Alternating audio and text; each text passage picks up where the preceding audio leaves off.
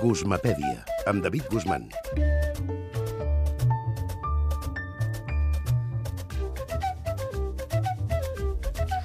David, bona nit. Què tal, Elisa, com anem? Què tal? Mira, avui em volia portes? sumar a l'aniversari de la ràdio. Ah, molt bé. Com si no, 90 anys de, de l'inici d'emissions a Ràdio Barcelona, com Mhm. és sabut, exactament aquest 14 de novembre, però de l'any 24, eh, des de l'hotel Colón, i que ja no existeix, per cert, i amb tot d'autoritats per allà al mig, molt ben, eh, diguem-ne, vestits, i sobretot amb una veu que aquell dia no va sonar mai. la estación radiodifusora E EAJ1 de Emisiones Radio Barcelona. No. És públic. Bé, doncs, eh, efectivament, Maria Sabater, l'hem sentit moltes vegades, però, i normalment detenta aquesta condició, no?, de primera veu de la història de la Ara ens radiodifusió. faràs un mite. No, vaja, està desfet de fa estona. El que passa Ah. és que encara l'arrosseguem. Efectivament, no, no va, en realitat no va sonar mai aquella veu aquell dia. Eh?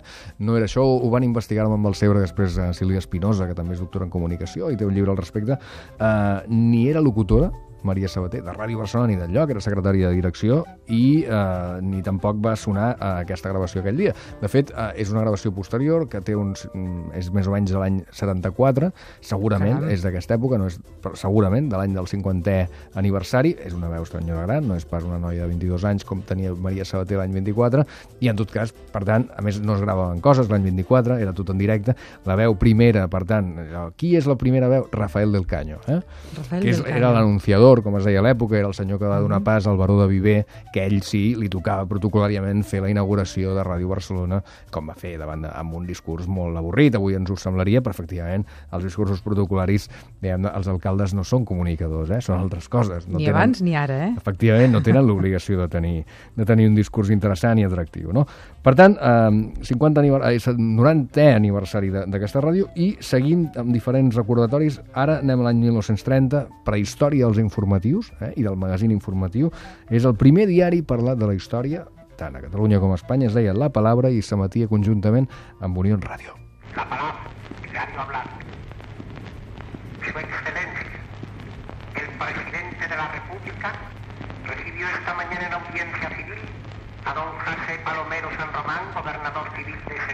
No tenia molta, tampoc, eh, amb aquella poca consciència de mitjà Com ha canviat tot. Sí, eh? oh, i tant, i tant, per sort. Eh? Anem una mica de música, eh, perquè si fa 90 anys de, de tot plegat, eh, de la ràdio, també en fa 50, també un número rodó, d'una- d'un programa imprescindible, eh, no només per la nova cançó, sinó per la història del mitjà. Radio Barcelona lanza para usted un nuevo programa. ritmo matinal. Recuerde, señora, recuérdelo usted. Radio stop, radio stop.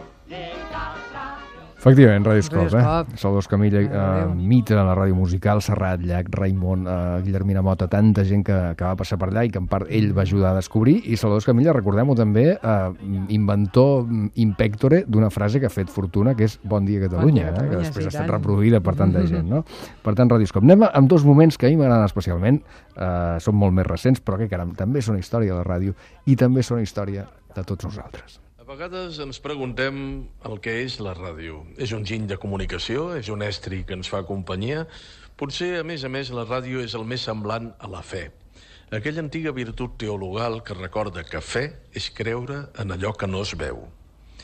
Avui fa 1.500 programes... Això era la Fatarella, eh, fa un any. Sí, no, no, ja no el fa encara, ja. el gener del 2014, amb un fred que pelava, diguem-ne, i, i bé, doncs, a 1.500 programes, però tot té un origen, també aquesta estètica radiofònica, també aquesta mirada, aquesta manera de fer ràdio, i l'he volgut recuperar, això també és prehistòria, eh, va començar el nou segle, l'any 2000, un 11 de setembre. Avui és festa i no la fa cap sant. L'11 de setembre no és un dia sinó una diada, que és una data més important. Tots som d'algun lloc i els catalans aprofitem aquest dia d'avui per recordar d'on venim i on anem. Amb el temps, l'11 de setembre s'ha convertit en una perdó per polítics i per tòpics.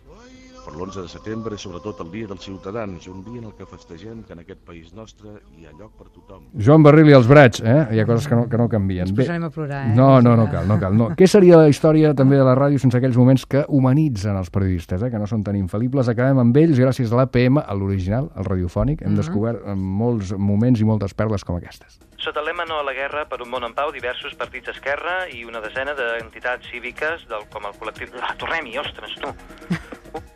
Doncs tornem-hi més qüestions en breus. Hola, hola, hola, hola.